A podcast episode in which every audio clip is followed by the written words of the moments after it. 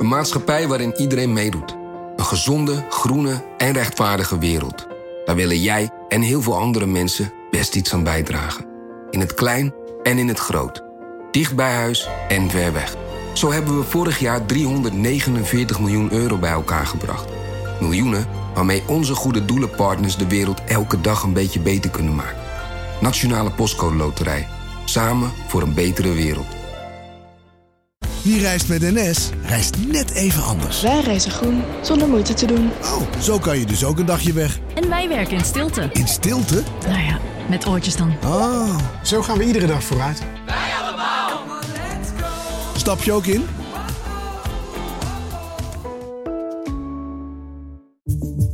Vanaf de redactie van NRC het verhaal van vandaag. Mijn naam is Thomas Ruip.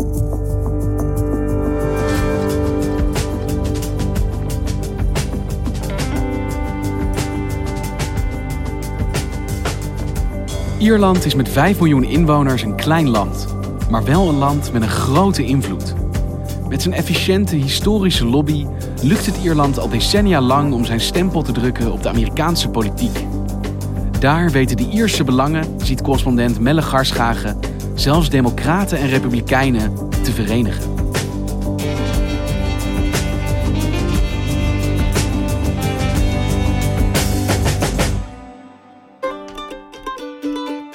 Twee weken geleden was ik in, in Ierland en ik reed met mijn auto door het glooiende landschap van het zuiden van Ierland, eh, County Wexford. En dat zijn eh, mooie heuveltjes met veel velden. En van die hele smalle, typisch Ierse weggetjes, waar je altijd, eh, als je een tegenligger komt, heel lang achteruit moet rijden. En ik was op weg naar een, een boerderij. En het, eigenlijk is het een hele gewone boerderij. Toen ik met mijn auto kwam aanrijden, gingen de honden blaffen, sloegen de koeien aan. Maar dit is een bijzondere boerderij, want deze boerderij is een bedevaartsoord. Ieder jaar komen er eh, 15.000 mensen op af. En de eigenaar van de boerderij, eh, Patrick Grennan, die vertelde me zelfs dat toen hij een kind was, kwamen er ook heel veel mensen op die boerderij af. En die gingen zelfs stenen uit de muur bikken om ze mee naar huis te nemen. people kept coming in, like a couple hundred thousand in two, three years, pulling stones out of the walls as souvenirs. Als aandenken van hun bezoek aan die bijzondere plek voor de Ierse geschiedenis, voor de Amerikaanse geschiedenis en eigenlijk ook voor de wereldgeschiedenis.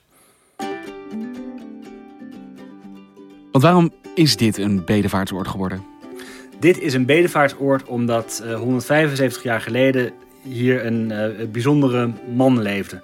Een Patrick Kennedy. En Kennedy spreek je in het zuiden van Ierland uit als Candy. So we would pronounce Kendi around here. Candy. Kendi.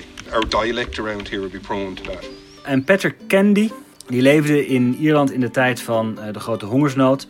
eh, de mislukte eh, aardappeloogsten. Een en al misère toen in Ierland. En hij deed iets wat heel veel Ieren in dat tijdperk deden. Hij stapte op de boot. Eerst naar Liverpool en van Liverpool naar Boston. En in Boston ging hij in de haven aan de slag als kuiper. Hij maakte vaten voor, voor whisky en voor bier.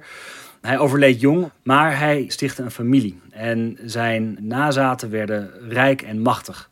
Want Patrick Kennedy, geboren in County Wexford, is een overgrootvader van John F. Kennedy, de 35e president van de Verenigde Staten. My country welcomed so many sons and daughters of so many countries and gave them a fair chance and a fair opportunity.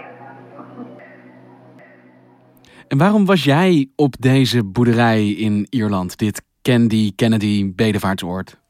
Nou, ik ben nu al vier jaar correspondent voor het Verenigd Koninkrijk en Ierland. Dus ik kom vaak in Ierland. En ik was toevallig een goed boek aan het lezen over Kennedy. En dat begon ook in Ierland. En ik dacht, wat steeds in al die verhalen terugkomt over het belang van Ierse Amerikanen in de politiek. En, en, en de Ierse eigenwaarde en het Ierse zelfbeeld, is John F. Kennedy. En volgens mij de rol van Kennedy in Ierland en de rol van Kennedy als Ierse Amerikaan in de Amerikaanse politiek eh, zegt heel veel over de grotere rol van, van Ierse Amerikanen in de Amerikaanse samenleving. Want in hoeverre presenteerde Kennedy zichzelf als Iers-Amerikaanse president? Ik bedoel, ik wist dit bijvoorbeeld helemaal niet. Heel erg, heel erg. En dat zie je vooral in 1963. Kennedy is op het eh, eh, toppunt van zijn macht. En in juni van dat jaar eh, gaat hij op reis naar Europa. En hij doet Ierland aan. Ongekend, want Ierland is een, is een klein land en was toen nog zeer conservatief, zeer religieus, ook zeer arm. En opeens komt de leider van de vrije wereld, want dat was ook nog tijdens de Koude Oorlog, komt de leider van de vrije wereld komt in Ierland op bezoek. June 26, 1963 is a memorable day in the life of Ireland. This is the day the Irish people anxiously awaited. For today, John Fitzgerald Kennedy, President of the United States, arrives among them. Air Force One uh, landt uh, op het vliegveld van Dublin.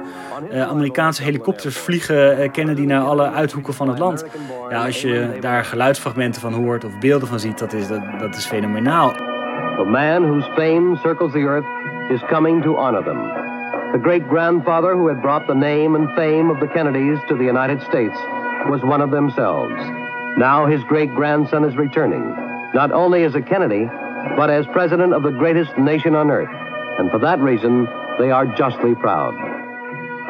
Hij straalde echt uit. Voor mij is het een vorm van, van thuiskomen. En dat, dat benadrukt hij ook in, in alle toespraken die hij um, tijdens die reis hield. President Kennedy referred to himself as one of millions of Irish descent. And in that sense, he was indeed returning home. De verloren zoon die uh, laat zien hoe succesvol hij is en, en ons ook uh, weer in het zonnetje zet. Alsof het succes van Kennedy op dat moment ook Ierland afstraalde. En had het wat de Ieren betreft in ieder geval ook invloed op zijn presidentschap? Het feit dat hij deze achtergrond heeft? Ja, en zijn afkomst, zijn status als migrant, als Iers-Amerikaanse katholiek, speelde zeker een rol. Want ook al was hij puissant rijk en kwam hij uit de, de mooiste badplaats van de Amerikaanse Noordoostkust. Mm Maar Iers-Amerikanen, ja, ze, ze, waren een minderheid. En ze waren katholiek uh, in een deel van de Verenigde Staten dat overwegend protestant was. Dus ze kregen vaak te maken met discriminatie, werden uitgesloten. En dat gebruikte Kennedy ook erg in zijn presidentschap. My great grandfather left here to become a uh, cooper in East Boston. He carried uh, nothing with him except two things a strong religious faith and a strong uh, desire for liberty. And I'm glad to say that all of his great grandchildren have valued that inheritance. Yeah, yeah. Hij liet zien dat hij een migrant was, uit een minderheid kwam. Ja, in, in het Verenigde Staten van de jaren 60 met uh, uh, segregatie en, en discriminatie sloeg dat aan. Hij kon een, een verzoenende rol spelen. Academici zeggen nu ook nog steeds, ja, die Ierse Amerikaanse politici die gebruiken hun soort status aparte om te laten zien dat zij minder schuldig zijn aan de oorsprong van segregatie in de Verenigde Staten. Zij, zij waren niet betrokken bij de slavenhandel, want zij waren ook maar arme sloepers die moesten knokken voor hun plek in de samenleving. Hey, met Kennedy hadden de Ieren dus een president in het centrum van de macht in de VS die zichzelf identificeerde ook als Ier. Maar hoe zit dat tegenwoordig met de Ierse connectie in de Amerikaanse politiek? Er zijn veel Iers-Amerikanen in de, in de Amerikaanse politiek. Uh, dat, is ook, dat, is ook, logisch, want 10% van alle Amerikanen heeft op een of andere manier uh, Iers bloed. Maar dat gaat alle kanten op. Je hebt niet een collectief van Iers-Amerikanen die allemaal progressieve democraten zijn of zeer conservatieve republikeinen. Je vindt ze aan allebei de kanten. Hoe zit dat met harde invloed? Is er Ierse invloed te ontwaren in de Amerikaanse politiek? Ja, en dat zag je in twee gevallen heel nadrukkelijk. In de Troubles, de, de burgeroorlog in Noord-Ierland, en in de Brexit. En in allebei de gevallen wisten Ierse politici en de Ierse regering via die Iers-Amerikaanse lobby in het Amerikaanse congres wisten ze effectief invloed uit te oefenen. En de Britten die denken vaak dat ze een hele bijzondere relatie hebben met Amerika. Daar begon Churchill mee eh, tijdens de Tweede Wereldoorlog. A special relationship between the British Commonwealth and Empire and the United States of America. Maar als het op de, die Ierse belangen aankomt, dan merk je juist dat die Ieren heel bedreven zijn in de Amerikaanse politiek zo sturen dat ze eh, de Ierse kant kiezen en niet de Britse kant.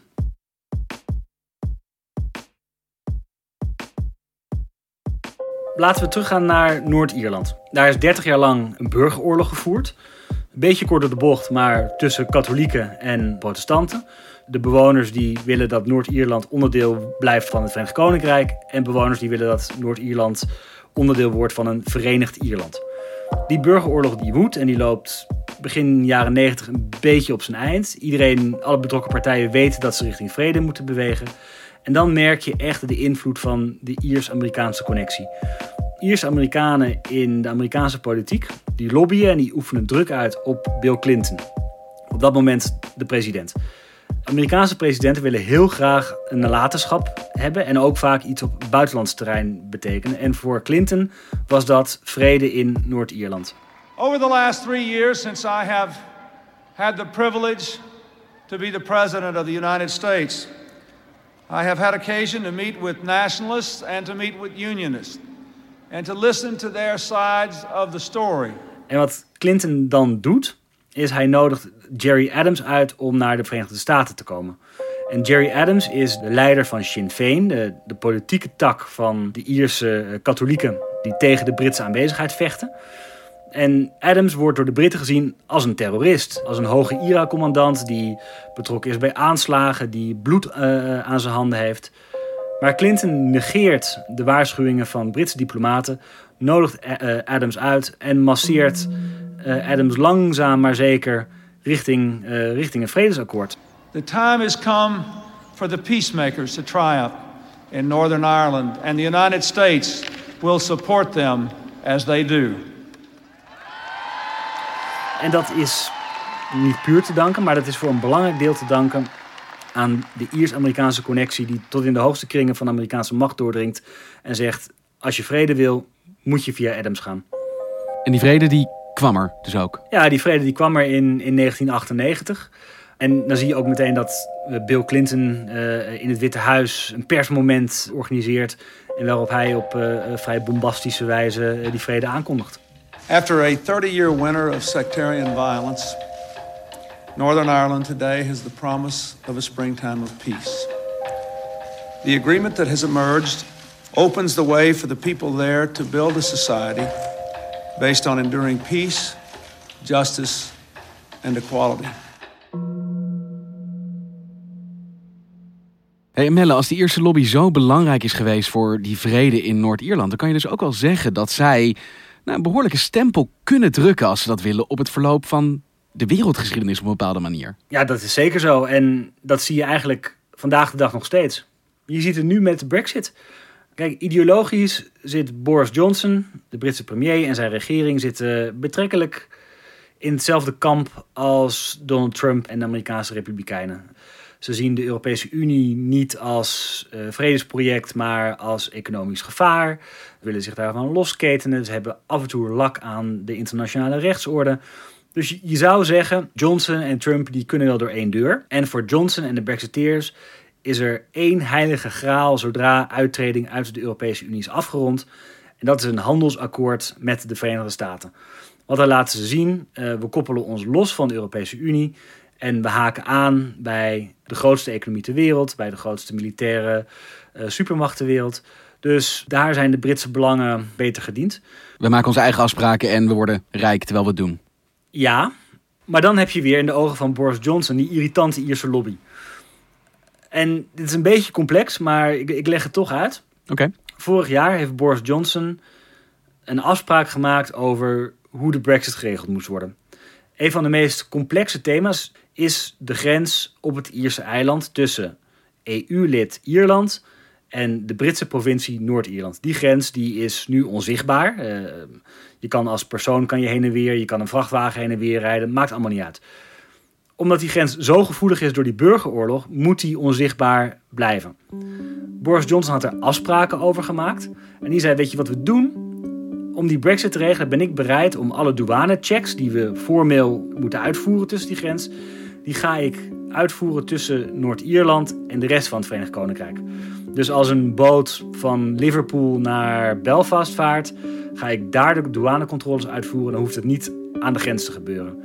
De EU kon ermee leven, de Britse politiek kon er kenning mee leven. Er was een deal.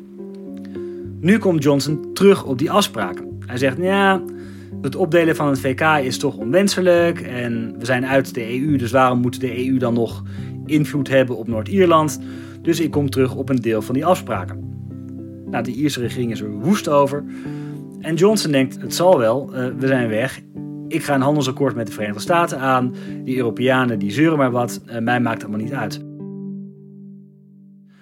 En dan opeens heb je de Ierse lobby, die ervoor zorgt dat Amerikaanse politici, zowel democraten als republikeinen, Johnson een standje geven en zeggen: als jij terugkomt op die afspraken die je vorig jaar gemaakt hebt, dan schend je de voorwaarden van het Vredesakkoord uit 1998 en dan zullen wij als Amerikaanse politiek nooit, nooit, nooit een handelsdeal tussen het VK en de Verenigde Staten goedkeuren.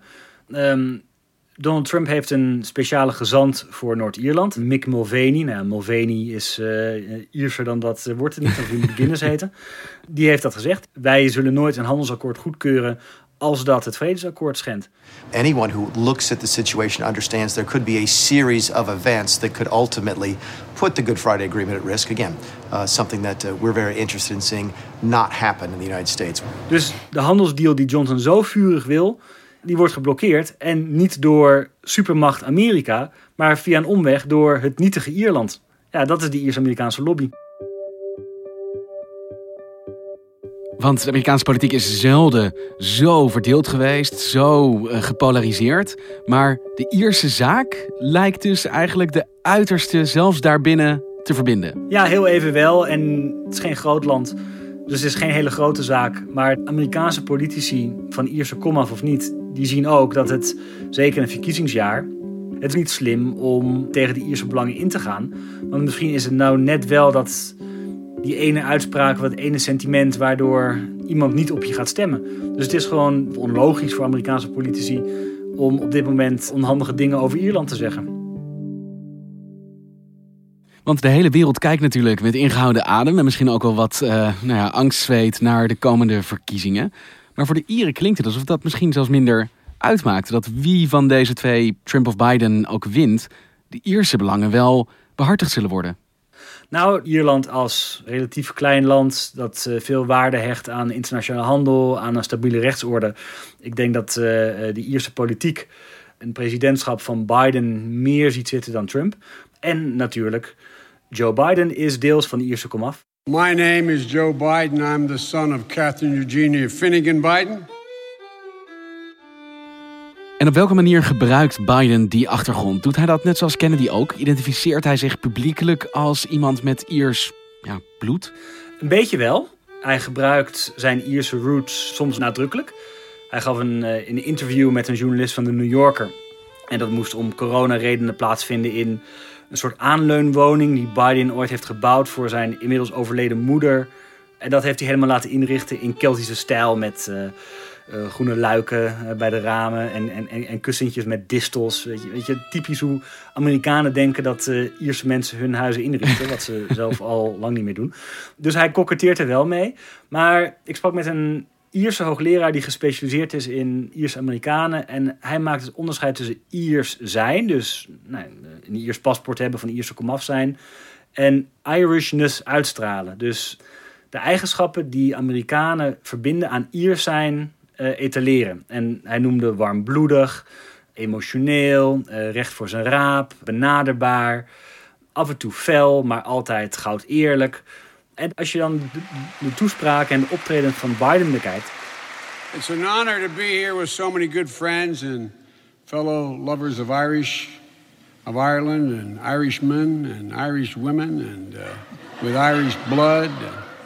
And even those of you who wish you were Irish, I'm glad you're here too. Ja, dat, dat gebruikt hij wel degelijk in, in zijn aanpak.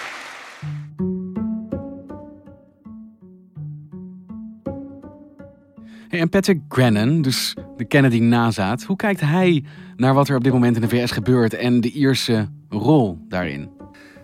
Ja, ik vroeg hem ook. Uh, Biden of Trump, zeg het maar. Die vraag ging hij toch een beetje uit de weg. Dat snap ik ook wel, want, want hij krijgt bezoekers van alle politieke kleuren uh, over de vloer. En, en waarom zou hij daar zich over uitspreken? Maar toen liepen we over zijn erf en hij heeft een, uh, met geld van de regering echt een mooi museumpje gebouwd waar de Kennedys geëerd worden. En daar stond een vitrinekast en daarboven hangt de toespraak die Kennedy zou hebben uitgesproken die dag dat hij werd doodgeschoten. En de slotalinea, daar zit een prachtige uh, zin in over dat wij, deze generatie, Kennedy had het over, had het over zijn generatiegenoten, waren de, de wachters op de poort van de vrijheid. The watchmen on the walls of freedom. En dat ging natuurlijk over de strijd tussen uh, de vrije wereld en de onvrije wereld. En Kennedy zegt dan iets van: dat is een grote verantwoordelijkheid en die moeten wij met bescheidenheid dragen. En hij was even stil en toen zei hij: dat zijn mooie woorden, ook voor vandaag de dag. En ik leid daar toch aan af dat deze verkiezingen in de Verenigde Staten, uh, wat hem betreft, over meer gaan dan alleen wie de volgende president wordt. Al zou hij het waarschijnlijk niet erg vinden als hij door een Ierse Amerikaan gewonnen wordt. Exact. Dankjewel, Melle. Alsjeblieft, heel graag gedaan.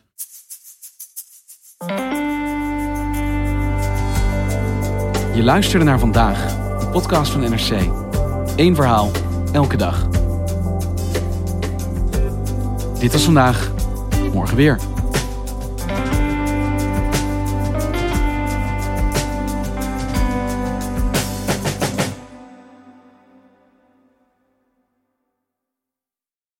De financiële markten zijn veranderd, maar de toekomst, die staat vast. We zijn in transitie naar een klimaatneutrale economie. Dit biedt een van de grootste investeringskansen van onze generatie. Een kans voor u om mee te groeien met de pioniers van morgen. Meer weten? Ga naar carbonequity.com. Carbon Equity. Do good by investing better.